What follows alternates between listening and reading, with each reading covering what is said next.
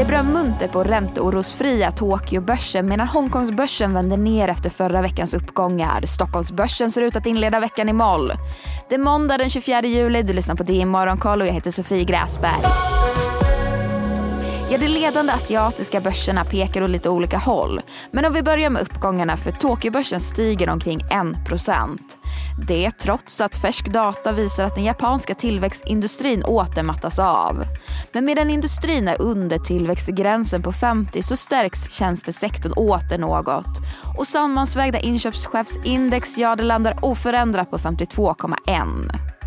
Och landets regering ser en sjunkande inflation till 1,5 procent redan nästa år.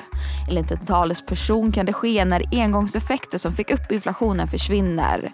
Och regeringen uppmanar samtidigt Bank of Japan att samarbeta för att uppnå 2% målet. Bank of Japan kommer med sitt räntebesked senare i veckan men väntas lämna det oförändrat på minus 0,1 procent. Bland enskilda bolag på Tokyobörsen så agerar fordonssektorn åter draglok till index. Mazda och Nissan är båda upp över 3% men dystrare är det i Hongkong där index är ner över 1% Där är det framförallt fastighetssektorn som tynger där jättarna Country Garden och Longfor står för kraftiga nedgångar. Även internetjättar som Tencent och Alibaba står för nedgångar. Och veckan avslutades dyster på Wall Street där techsektorn åter fick ett hårt slag. Nästan hela årets uppgångar på breda amerikanska index S&P 500 kan hänvisas till 10 enskilda handelsdagar. Ja, breda S&P 500 har stigit 18 procent i år, men enligt analyshuset Datatrack Research står 10 enskilda dagar för 96 procent av årets totala uppgång. Och helgen har varit munter för de amerikanska biograferna när båda storfilmerna Barbie och Oppenheimer haft premiär. Men medan Christopher Nolans atombombsdrama drog in omkring 80 miljoner dollar i Nordamerika så fick Greta Gertwings Barbie in 155 miljoner dollar, vilket är den högsta noteringen i år.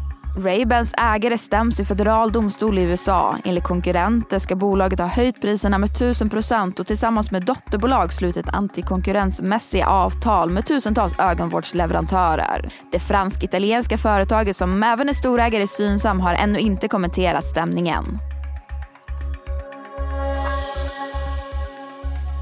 Sverige så här väntas åter en rapportvecka där storbolag som Hexagon och AstraZeneca rapporterar senare under veckan. Men först lite av helgens nyheter. Svenska butikskedjan Swedemon sätts i rekonstruktion. Bolaget som bland annat driver Sportshoppen ska ha fått kraftigt omsättningstapp när gränsen mellan Norge och Sverige höll stängd under pandemin. Och i Spanien har det varit val i helgen men det finns ingen klar vinnare från söndagens parlamentsval. Konservativa Partio Popular gjorde ett bättre val än väntat men det tilltänkta stödpartiet Vox fick färre röster än väntat. De två ledande partierna kommer att försöka förhandla fram koalitionsavtal i jakten på en styrande majoritet. Men analytiker varnar för att processen kan resultera i nyval under hösten. Och om vi fortsätter att blicka ut i Europa, senare idag rapporterar Ryanair och Vodafone. Ryanair slog ju så sent som i juni ett nytt passagerarrekord och bolaget har även meddelat att det är i startgroparna för att börja flyga i Ukraina igen. För att på så sätt ta majoriteten av marknadsandelarna där. Men vi har även intressanta nyheter på makrofronten för idag är det nämligen dags för PMI-siffror från flera länder. I euroområdet väntas det, om så bara marginellt, ha sänkt PMI till 42,8. Och i USA väntas det landa närmast oförändrat på 46. Men det var allt för den här nyhetsuppdateringen. Det är Morgonkollet tillbaka igen imorgon. Jag heter Sofie Gräsberg.